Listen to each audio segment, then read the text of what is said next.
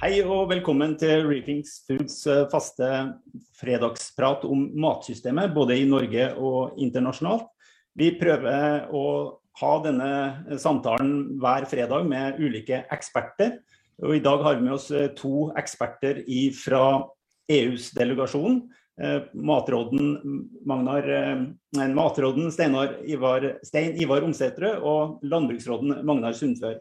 Eh, og De har vi invitert hit i dag for oss å snakke om eh, matdebatten i EU, litt i lys av Ukraina-krigen. Og så håper vi får eh, komme litt inn på det et nytt initiativ, eller et initiativ fra EU i Farm to Fork, som går på karbonfarming. Hva er det, og hva tenker EU rundt det? Men først, Magnar og Stein Ivar, velkommen skal dere være. Tusen takk. Ja. Eh, starte litt eh, med deg, Magnar, på rett og slett eh, hvordan har altså Vi snakka jo sammen for noen måneder siden, og så har vi jo fått en krig i Ukraina, en krig i matfatet, ikke bare til Europa, men til, til hele verden på mange måter. Og så er spørsmålet mitt, Har det prega hvordan EU snakker om forsyningssikkerhet og matproduksjon? Eh, og i så fall på hvilken måte? Eh, ja, takk for eh, spørsmålet. Nei, Krigen i Ukraina har jo preget EU-samarbeidet veldig mye de siste månedene. Så det har jo bidratt til at samarbeidet har blitt mye bedre enn det har vært tidligere. Når det gjelder matsituasjonen, så er jo EU bekymra for eh, den globale matvaresituasjonen. Og man er også bekymra for den produksjonen som var i Russland og Ukraina tidligere. fordi at det, eh, på mange områder så var de veldig store når det gjaldt produksjon og eksport.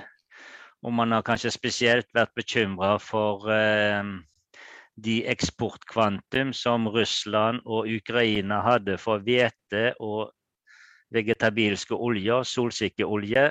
Russland og Ukraina de eh, eksporterer ca. 30% av den hveten som omsettes i verden. Og Ukraina har vel en 50 eh, av eh, eksporten av vegetabilsk olje. Så EU e har jo vært bekymra for om ja, hva, hva, betyr dette for den globale matvaresituasjonen. Man misliker jo helt klart at det er land i særlig Afrika, Asia, som da får mindre eh, produkter enn hva de ønsker seg, og spesielt av hvete. Matvareprisene går opp, eh, og det samme gjør det på vegetabilsk olje. Eh, så har det også medført noen problemer på EU-markedet. EU er jo veldig stor når det gjelder matvareproduksjon. De er verdens største eksportør av jordbruksvarer. Og de importerer noe, men de, veldig, de har veldig sånn nettooverskudd når det gjelder handel med jordbruksvarer, så de har ikke noe kjempestort problem. Men de har hatt eh, litt mangel på eh, fôrråvarer, proteinvekster, og det har eh, bidratt til å sette litt ny dagsorden i EU for hva man skal produsere og ikke produsere framover. Så det kan vi komme litt tilbake til. Ja, men øh apropos det. Eh, ser EU behov for å liksom steppe opp egen produksjon, både for å dekke ting de ikke får fra Ukraina og Russland eh, eh, til vanlig, og kanskje også i forhold til å eksportere enda mer til de områdene som, som i andre deler av verden som da ikke får tilgang til hvete. Er det en del av vurderingene der? Ja, vi kommer kanskje litt inn på eh, en strategi som EU kaller eh, strategien fra jord til bord. Eh, de kom jo med en sånn European Green Deal i desember 2019. Og så la de fram en biodiversitetsstrategi og en strategi fra jord til bord i, i mai 2020.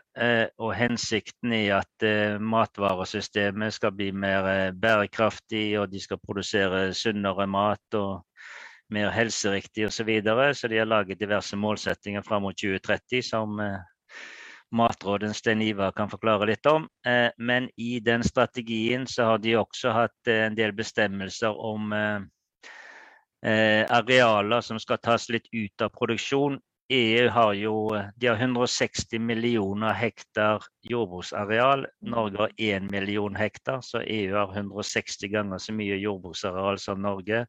40% av EUs jordbruksareal er eller 40% av EUs totale areal er jordbruksareal, og i Norge er det tre. Så de er jo storprodusenter, men de har eh, Jeg nevnte jo at de har hatt behov for å importere en del proteinvekster, og fòrråvarer fra Ukraina. Og pga. krigen i Ukraina så har nå da kommisjonen og medlemslandene sagt at for 2022 så skal de prøve å produsere noe mer proteinvekster i EU. Uh, og de 10% arealene som de knytta til strategien fra jord til bord, som man uh, uh, på en måte skal ta ut av produksjon ut ifra at det er behov for å ikke ha så intensiv produksjon på arealer ned mot vassdrag f.eks. eller erosjonsutsatte områder osv. Noen av de eh, dekerne eller hekterne vil man nå akseptere å produsere proteinvekster på i 2022. Så dette er en midlertidig ordning, og det har fått en, eh, en, en eh, praktisk konsekvens av krigen i Ukraina. At de er litt mer opptatt enn før av at man må no, være noe mer selvforsynt av egne produkter. Det er vel eh, sånt som i hvert fall en del i Norge liker å høre, at uh, selvforsyning er, uh, og beredskap rundt mat løftes opp. men tilbake litt sånn til hveten har har EU kapasitet til å kompensere for så svære matnasjoner som, som, Russland og Ukraina på, på, den type produkter, eller er det begrensa rett og slett eh, til tross for 160 millioner hektar? EU er jo veldig store på, på produksjon av hvete. Det, det produserer ca. 800 millioner tonn hvete eh, i verden. Norge produserer 1 million tonn korn til sammen. Ca. 300, eller kanskje vi produserer en, eh, ja, 200 000 tonn eh, hvete, muligens årlig.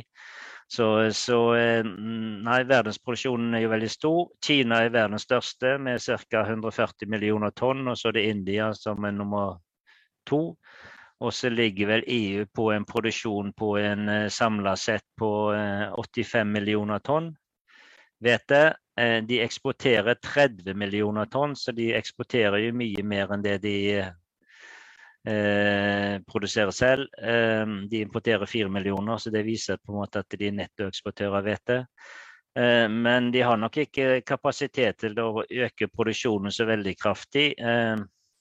Det er klart De kunne sikkert ha erstatta noe bygg og havre og produsert hvete, men akkurat i år også, hvor gjødselkostnadene er veldig høye, så mitt inntrykk, litt som i Norge, at eh, en del kornbønder tenker at uh, du må bruke mest gjødsel på hvete mm. uh, for å få gode avlinger, og du kan bruke noe mindre gjødsel hvis du produserer bygg og havre. Så derfor så er det vel kanskje heller litt sånn motsatt. at en del kornbønder også i EU. De øker i hvert fall ikke produksjon, de reduserer den kanskje. Så det, det, litt sånn, eh, det er litt problemer for den globale eh, handelen.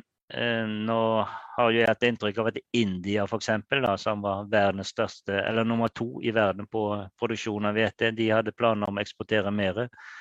Men så ble det jo tørke også i India, så de sliter litt med det samme som eh, Russland, Ukraina, at de, eh, de kan ikke bidra så mye til, til verdenshandelen som, som, både de og kanskje noen andre hadde ønsket seg.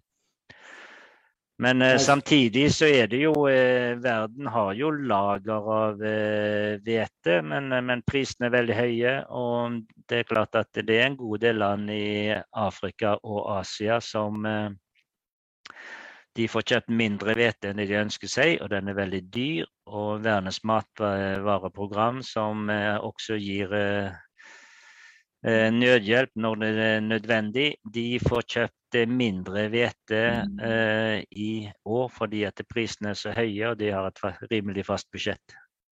Så det er en god del utfordringer når det gjelder handel, med, handel og produksjon med hvete.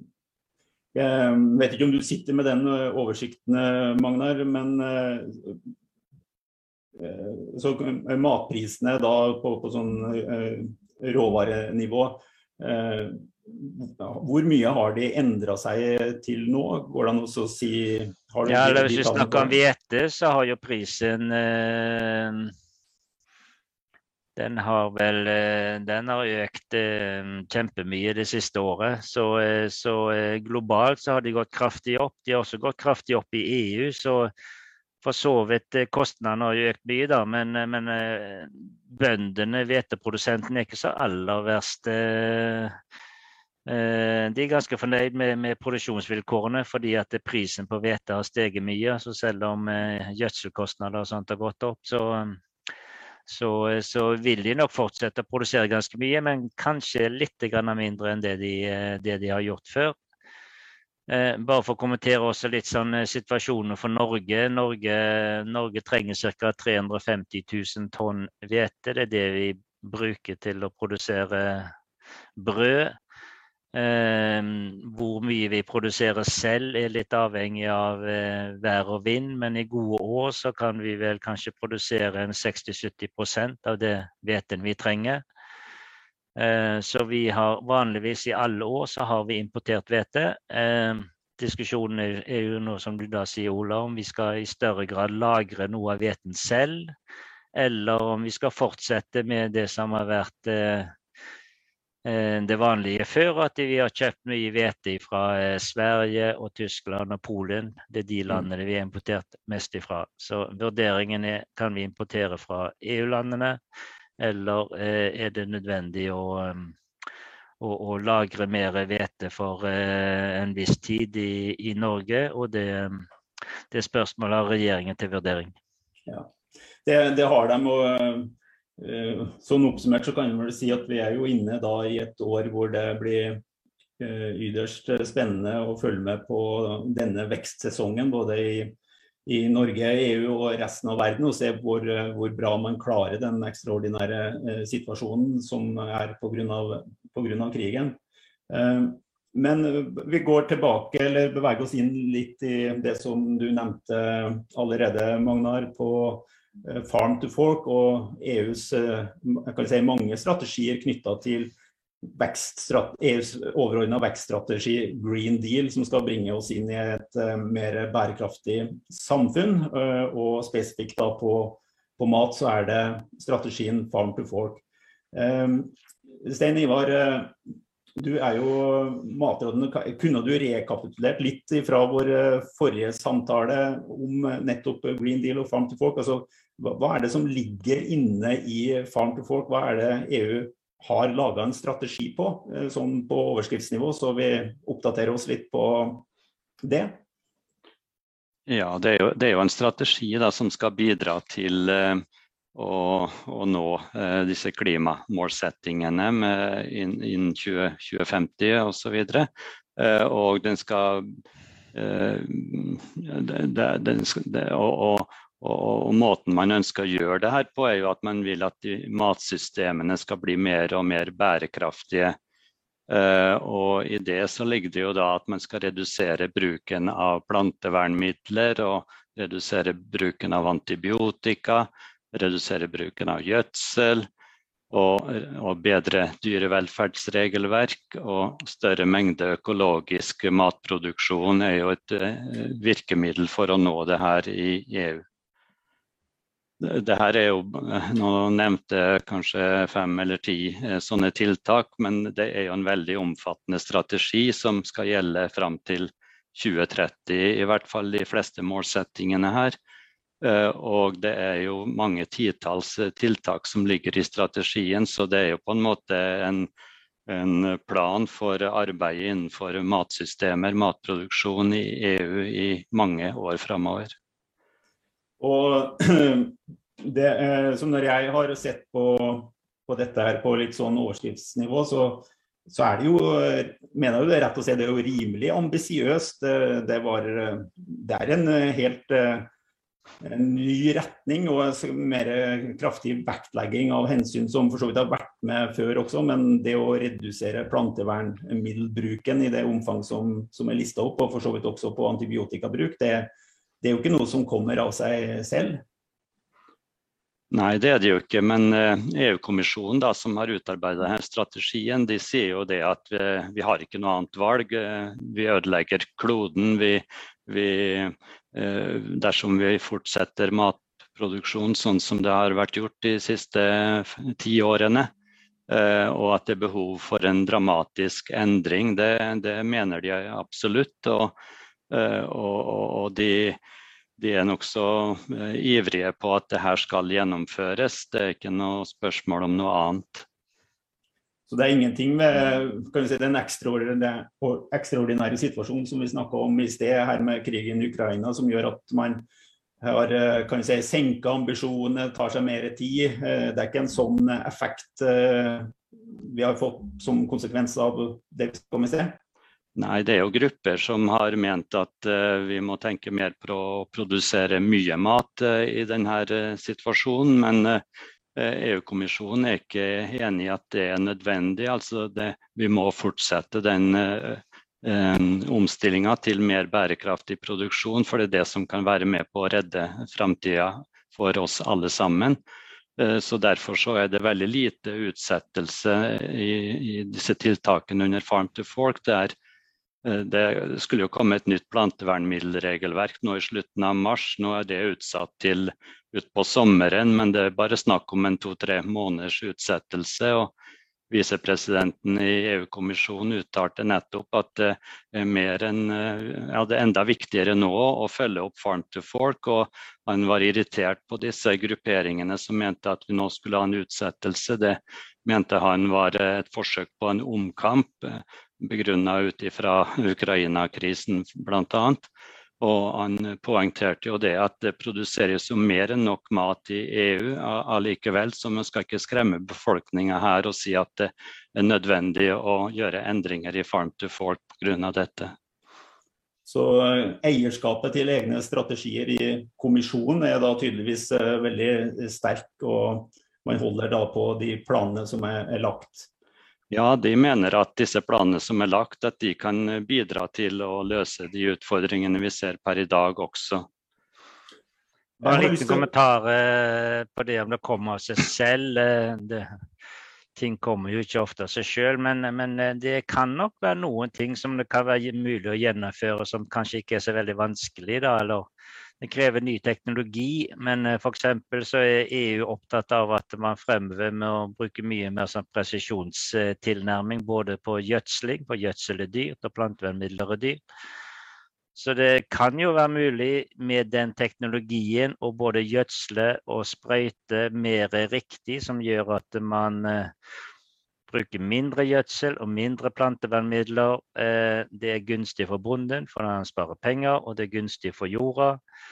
Uh, og samtidig, kan, ja, samtidig som, uh, som forbruket av både gjødsel og plantevernmidler går ned, så kan den teknologien også føre til at avlingsnivået går opp. Så det koster selvfølgelig å kjøpe den, det nye utstyret, da, men den teknologien kan medføre at du egentlig uh, får en vinn-vinn-løsning. Ja, det å bruke mindre av det som koster penger, og Eh, går jeg ut ifra da samtidig klarer å opprettholde det produksjonsvolumet som man har. Eh, det, det skal mm. jo i teorien gå i pluss, det. Ja.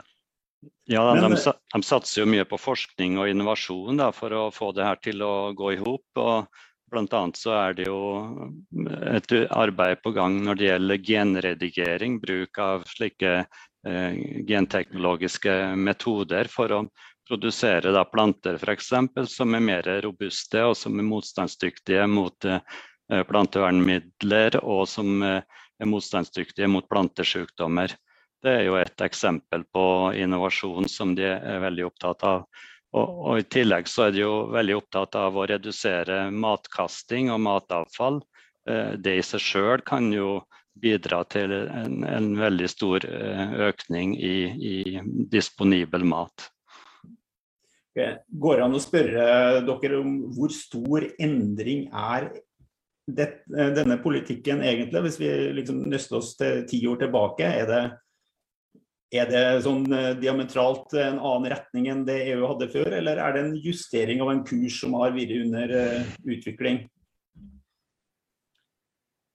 Det var kanskje et stort spørsmål, men Nei, ja, eller vil jo, Det er jo delvis knytta til EUs felles landbrukspolitikk. Den er jo 60 år gammel. og når den ble etablert, så var jo eneste målsettingen var nærmest å produsere mer mat, for det var rett etter krigen og folk trengte mat. Og så lyktes de ganske godt med det, så EU har hatt sine overproduksjonsproblemer. og eh, de har endra på bruk av virkemidler, mindre knytta til produksjon, mer produksjonsuavhengig osv. Og, så og de har nok i mye større grad også etter at eh, klimakrisen kom, eh, skjønt at man må drive mye mer bærekraftig. Så det har jo vært en mye sterkere prioritering eh, de siste kommisjonene, og i hvert fall på eksisterende kommisjon med Ursula von der Leyen, som overtok i desember 2019. Så eh, Farm to Fork jo, eh, passer jo veldig godt inn i denne overordna strategien at her må man EU vil redusere klimagassutslipp og være klimanøytrale, og da må du endre på hele matvaresystemet. Og forbrukerne ønsker også at maten produseres på en annen måte. Den skal være mer bærekraftig, og den skal være sunnere og bedre. Man spiser mye sukker og fett. Så Derfor så, så um, må det gjøres endringer for at man skal forebygge og ikke alltid reparere på sykdom som har skjedd. Bra. Eh, det er i så fall veldig enig med deg om at det er en klok tanke. Men eh, la oss gripe fatt i det stikkordet som dere ga der på, på klimautfordringene. For eh, man har jo ambisjoner om å nå togradersmålet, om man skal komme ned på 1,5-gradersmålet i forhold til temperaturheving på hele kloden. Eh, og en av de tingene som blir mer og mer åpenbar da, er at eh, for å kunne nå begge egentlig de to ambisjonene, eh, så er man avhengig av å binde mer karbon. Og carbon capture and storage, eller så karbonfangst og -lagring, har jo vært et tema. Det som det har, jeg syns har vært like mye oppmerksomhet rundt, det, det er jo da biologisk eh, karbonfangst og, og lagring som, har, eh, som, ligger inne i Farm to Fork, og hvor eh, jeg så at landbruksministrene i EU samla seg rundt en uttalelse på carbon farming tidligere her i, i vår. Eh, Magnar, hva, er egentlig det som EU legger i carbon farming? Eh, kan du bringe oss litt eh, inn i ambisjonene og logikken på det? Um, ja, det er en Karbonfarming er jo et uh, saksområde som prioriteres veldig sterkt av det franske formannskapet i EU. De leder EU per i dag. Um, uh, og det Frankrike er opptatt av, er at uh, landbruket de må også bidra til å redusere utslipp av eh, karbon, eh, og de skal øke opptaket. Så det går, hele, går på hele produksjonen i landbruket. Eh, mesteparten av CO2-utslippene som man har i jordbruket, er jo knytta til husdyr, til drøvtyggere. Det er 50 er metan. Eh, så, så, de ønsker at det skal lages systemer som stimulerer til at de husdyrprodusenter som driver med, med melkeproduksjon og ammekuproduksjon, eventuelt med sau, eh, de skal redusere sine utslipp. og Der kan man gjøre ganske mye med fòrtilsettinger og teknologi og eh, kanskje um, avl osv. Så videre. så og hvis du, hvis du har redusert utslipp i forhold til på en måte et fast nivå, en referansebane, så skal du premieres. Eh, det kan da være på utslippene. Og så går det også på opptakene, for man tenker at eh, eh jordbruket i EU de har ca. 10% av eh, CO2-utslippene totalt sett. I Norge er det 8-9, så det er omtrent likt. Og i skogen den fanger jo mye karbon. Når trær vokser, så lagres det karbon i trærne. Men jorda kan også bidra veldig mye. Så man ønsker også å lage et system som gjør at bønder skal stimulere stimuleres til å eh, lagre mer karbon i jorda. Da må man også ha et sertifiseringssystem, for man må finne ut hva som er grunnlaget før man uh, iverksetter noen tiltak. Og så må man se hvis det blir mer karbon, da har det blitt uh, lagret noe ekstra. Og det må det kunne være et marked for. Så man ønsker da at det er industrien som av og til må kjøpe kvoter fordi de produserer mer CO2 enn det de egentlig har lov til. Da kan de betale til bønder for å gjøre en sånn jobb, eller de kan få noe støtte direkte over EUs felles landbrukspolitikk. Så karbonfarming er også eh, lage et system der jordbruket blir mer eh, klimavennlig framover og redusere utslipp av CO2. Så det dreier seg om å lage eh, altså gjøre det lønnsomt da, da for, for, bonden både å kutte de biologiske eh, klimagassutslippene, særlig knytta til, til, metan, altså få rett og slett betalt for å, å kutte ved å endre driftsform eh, over tid. Eh, men også i tillegg da, så selge kvoter fordi man kan dokumentere lagring av karbon i skog og i jordbruksproduksjon. Ehm, ja, det går både på å eh, redusere utslipp fra eh, selve produksjonen, og det går også å forbedre opptak i jorda f.eks. Eh, og når man da har, hatt, har et sertifiseringssystem som sier hva var det på et tidligere stadium, og hva er det nå? EU skal lage et, et slikt system i løpet av høsten 2022. Eh, da kan det bli et marked som det kan være mulig å, å selge til som sagt, industrien. Fordi det er en del industrivirksomheter som må kjøpe kvoter for at de skal, bli, eh, de skal også bidra i, i, i klimareduksjonene fremover. Så her, her, kan det bli et marked som EU eh, ser på som interessant, og som kanskje også kan bli interessant i Norge. Det, det er jo ikke slik at det er helt gratis. Du må gjøre, en, du må gjøre visse tiltak. Enten ved å som sagt, redusere f.eks. metanutslipp eller få mer karbon i jorda. Og det, man kan få mer karbon i jorda ved å pløye ned f.eks. noe biokull osv. Så, videre. så det må jo gjøres en jobb, men da betales man for å gjøre den jobben. Og det kan bidra for så vidt til at jorda blir bedre, og eh, verden blir bedre ved at det blir mindre CO2-utslipp enn hva det ellers ville blitt. Men det som da er framdriften på, på dette, det, det her er jo helt nytt innenfor EUs uh, landbruk i så fall. Det er jo riktig å, å si det, går ut?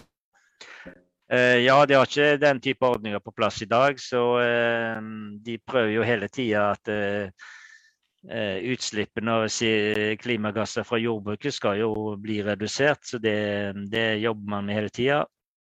Men det har ikke vært så veldig mye system på eh, Eh, tiltak for å eh, øke opptaket av karbon i jorda. Man har alltid visst at skogen f.eks. Den, eh, den kan jo lagre mye CO2, og den er også veldig viktig for EU. Så man ønsker at skogen i økende grad fram mot 2030 og 2050 de skal oppta mer og mer CO2. Den langsiktige målsettingen er at jordbruket og skogbruket skal være klimanøytrale i 2035.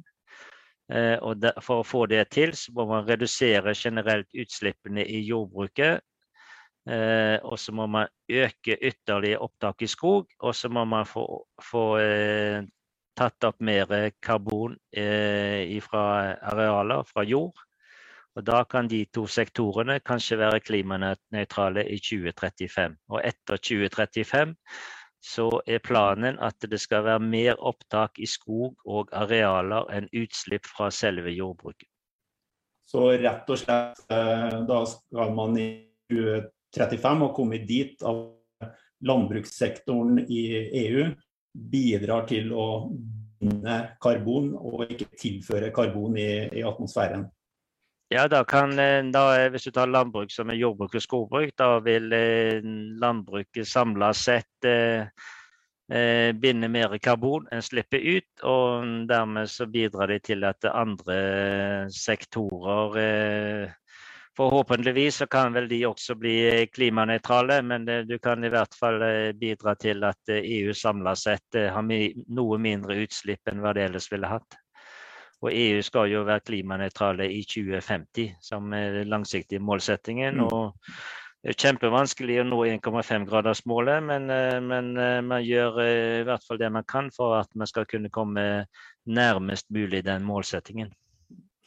Og en del sikkert usikkerhet rundt mye av dette, i og med at regelverk og systemer ikke er ferdig skrevet. Men som du sa, så skal vi allerede i løpet av året se forslagene til det. Anser de karbonbinding i jordbruket og skogbruket som, som en vesentlig inntektsmulighet for, for landbruket også, eller er det mindre vesentlig sånn på økonomien? Jeg vil jo kanskje tenke meg at dette er for så vidt et lite bidrag. da. De, de, de eh, store inntektsmulighetene for bonden vil vel fortsatt være de priser de får i markedet og den støtten de får av EUs felles landbrukspolitikk. EU gir ca. 500 milliarder kroner årlig til jordbruket, men de er jo 10,5 millioner gårder, så det er jo mange å dele på. Men, eh, men eh, det blir bare det blir ca. 50 000 kroner per gård. Eh, men, så, og, og, markedspriser betyr nok mest. Men dette med karbonfarming, det, det viktigste er vel at det, det, kan bidra til at landbruket blir raskere klimanøytralt. Og så kan det være en liten inntektskilde for, for en del bønder før vi går eh, videre der, eh, eh, hva er responsen fra landbruksorganisasjonene, som er kjent for å sterke og profesjonelle lobbyister nede i Brussel? Hvilken holdning har de inntatt i denne, denne utviklingen? Nei, Jeg tror de syns dette er helt greit hvis de betales for det. De, men de vil jo betales eh, rimelig godt for å gjøre jobben. De, de ønsker ikke å gjøre det gratis. og Hvis, hvis det på en måte kommer pålegg om at eh, her skal det gjøres mye uten at uh, enten det er et marked som betaler eller via budsjettstøtte, så er de skeptiske. Men uh, ellers er de jo positive til dette og ønsker å bidra til at uh, sektoren blir raskere klimanøytral.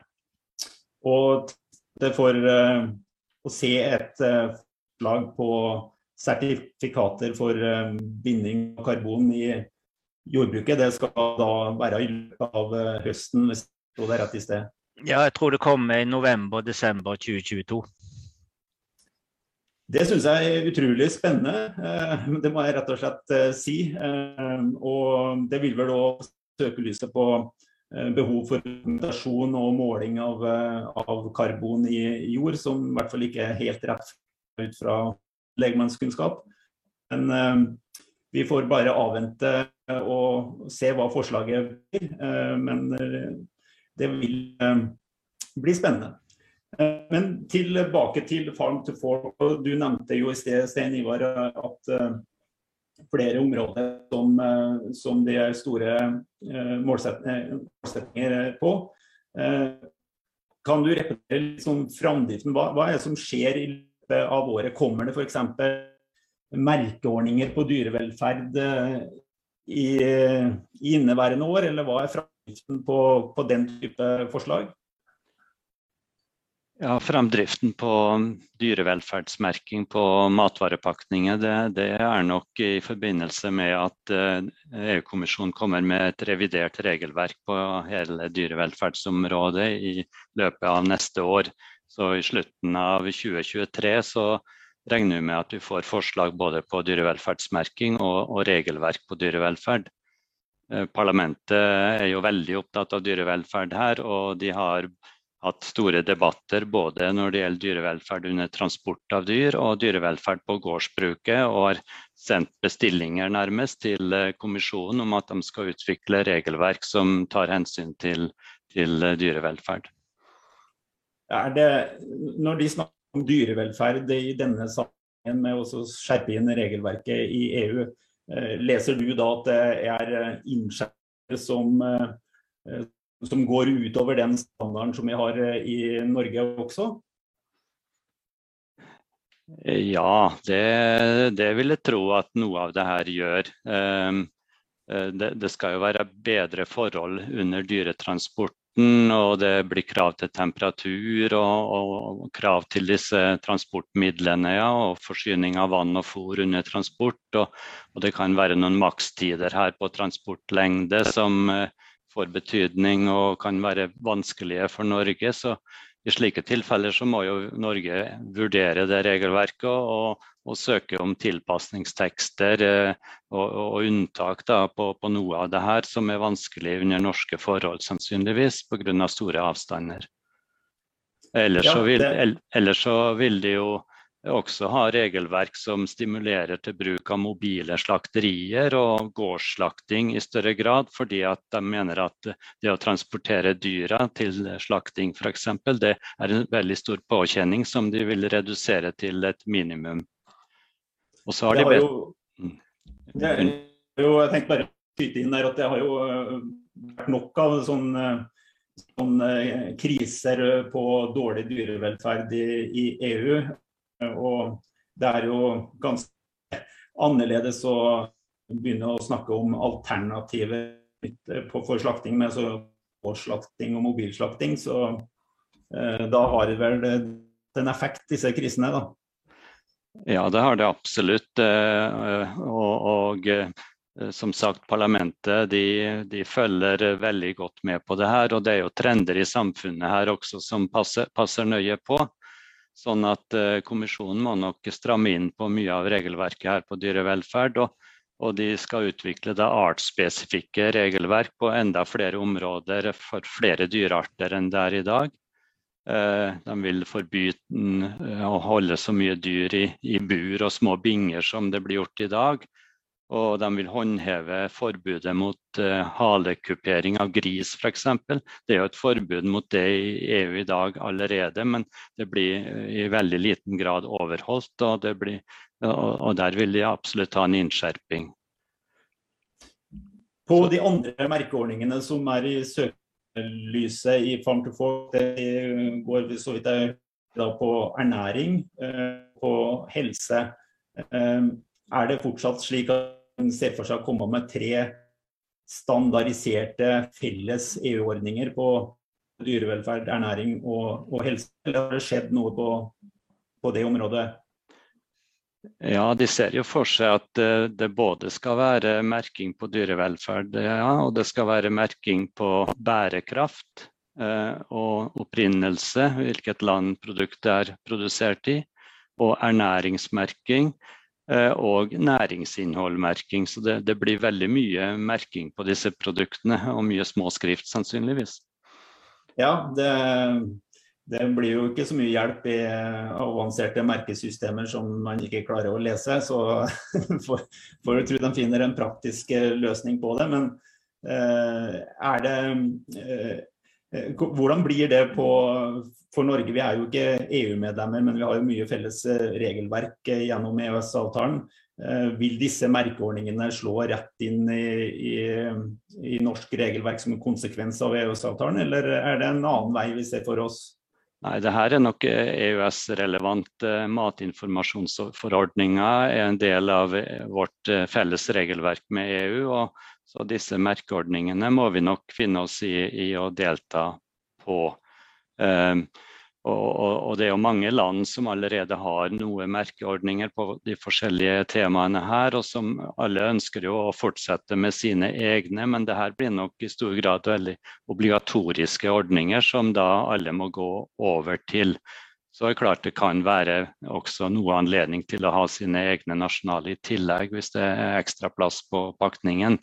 Mm. Men, men, det skal jo være en, en merkeordninger her som er lette å orientere seg i, da, med f.eks. trafikklys eller ja, med forskjellig farge og, og, og, skalaer og sånt. Matbransjen i, i, EU, der har du jo noen gigastore aktører som uh, Nestle og ja, andre. Men, uh, men, også et mangfold av, av mindre. Hvordan er deres holdning til at EU eh, går enda noen stekk videre på å kreve forbrukerinformasjon eh, og innskjerping på, på disse, eh, disse, regelverkene som følger med på det? Nei, Jeg tror nok deres generelle overordna holdning til det er positiv. At de synes det er bra med, med ordentlig og god matinformasjon til forbrukerne. Men eh, flere av disse bruker jo da, som du er inne på, allerede eh, nasjonale merkeordninger, og, og vil gjerne at de ordningene skal gjelde fortsatt, og at det skal bli mer utbredt i EU, og kanskje den obligatoriske ordninga. Men det er jo sånn med disse ordningene at de er jo ofte slik at de favoriserer Eh, de virksomhetene eller det landet hvor de er mest utbredt og hvor de er etablert. Og så kommer eh, maten fra andre områder i Europa som, ikke, som bruker en annen merkeordning, da dårlig ut. Så, det, så det, det, er en del politisk strid om det her allerede. Og, og, men EU eh, e skal da lage forslag til nye ordninger her i løpet av 2022, sånn at det da blir en høring av de nye ordningene på nyåret. Eh, da snakker jeg generelt. Det med dyrevelferdsmerking blir ikke før i slutten av neste år. Riktig. Så eh, det er ikke så lenge før vi kan se rett og slett eh, hva de ser for seg av nye og eventuelt obligatoriske ordninger på, på merkesiden heller? Nei, det blir jo ikke det. Altså, det ligger jo allerede ute på EU-kommisjonens hjemmesider eh, høringer hvor man kan spille inn sine, komme med innspill og synspunkter på de forskjellige ordningene. Eh, og, og, og F.eks. på bærekraftsmerking så er det jo meninga at det da skal være med bakgrunn både i næringsinnhold, klimaavtrykk, miljømessige og sosiale forhold, og vekte de der sammen i et eh, trafikklys. Det sier seg jo sjøl at det blir utfordrende, men de mener jo at de skal klare det der, og at det er nyttig for forbrukerne. Vi begynner å nærme oss uh, slutten her, men uh, hvis vi, hvis vi, må, vi må jo prøve oss å spekulere litt. Grann. Uh, hvor tror dere det liksom blir mest motstand rundt uh, de initiativene som ligger inn i, i pakka med Farm to, farm to Fork? Altså hvor er, hvor er, uenigheten eller kan vi si, engasjementet størst, hvis en skal bruke et mer nøytralt uttrykk? Ja, det var ikke så lett å svare på, men uh men det med merkeordninger tror jeg kanskje skaper stort engasjement og kan uh, føre til uh, stor uenighet.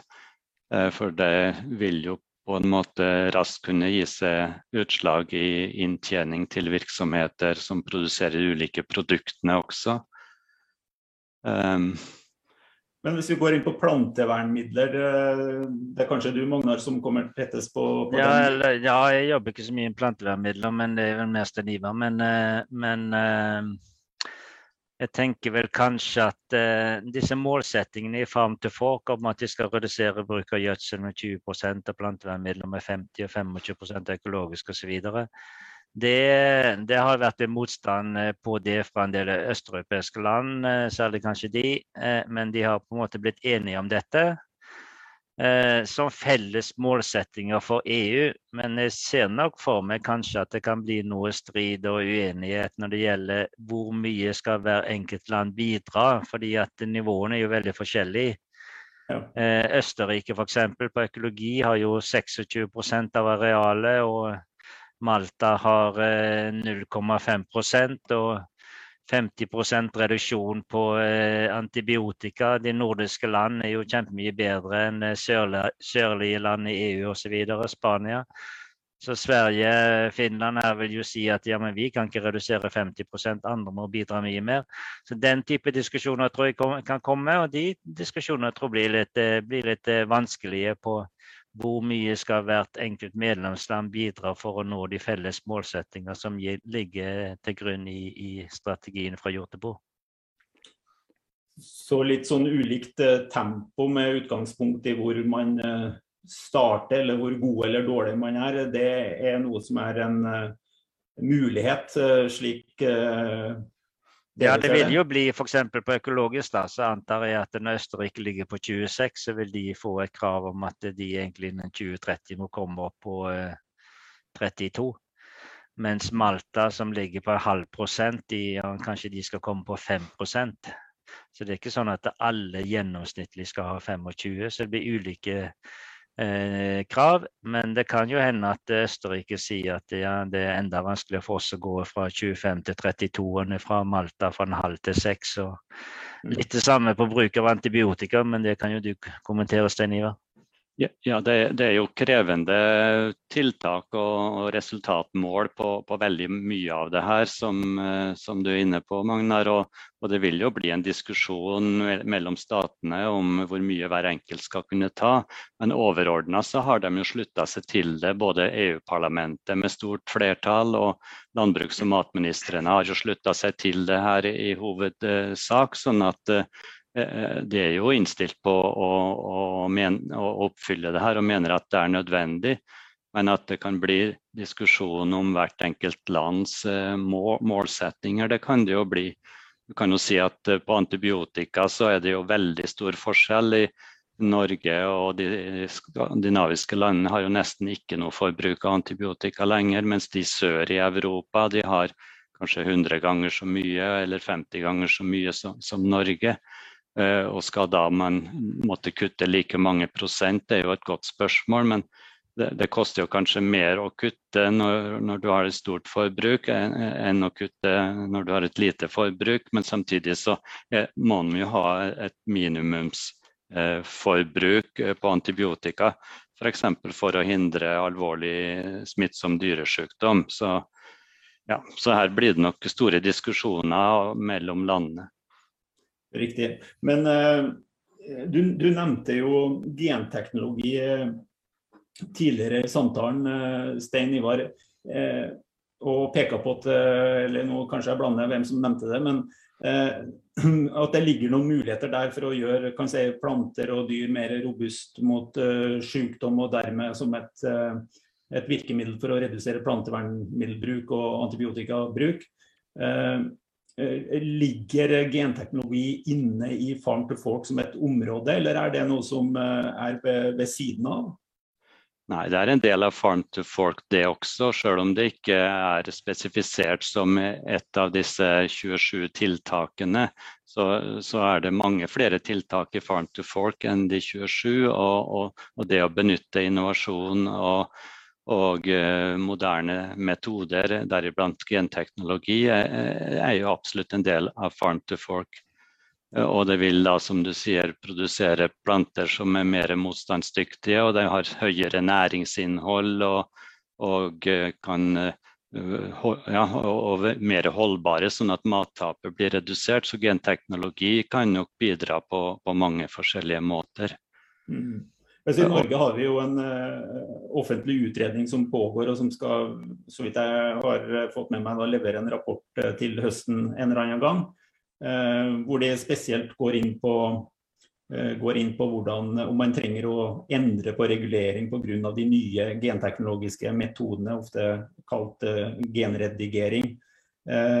Er det et sånn tilsvarende løp som pågår i, i, EU i forhold til å revurdere det regelverket, og i så fall når kan man forvente, eh, forvente noen eh, konklusjoner der?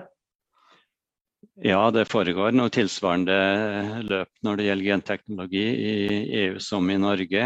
fordi at uh, man har jo konkludert med at eh, GMO-regelverket i seg sjøl passer ikke for å regulere de her nye teknikkene. De nye teknikkene er mye mindre eh, omfattende. Eh, de, de, de, gjør ofte ikke større endringer i arvematerialet enn det som man ser ved vanlige mutasjoner eller ved vanlig avlsteknikk som man har hatt eh, før. Så Derfor så må du ha et uh, annet regelverk for å, for å regulere dette området. Og eh, der har både parlamentet og eh, rådet, ministrene, vært positive til at det skal utvikles et nytt regelverk. og Det jobber kommisjonen med nå, og har det ute på høring allerede. Så, så her kommer det om ikke så lang tid. Ja. Riktig.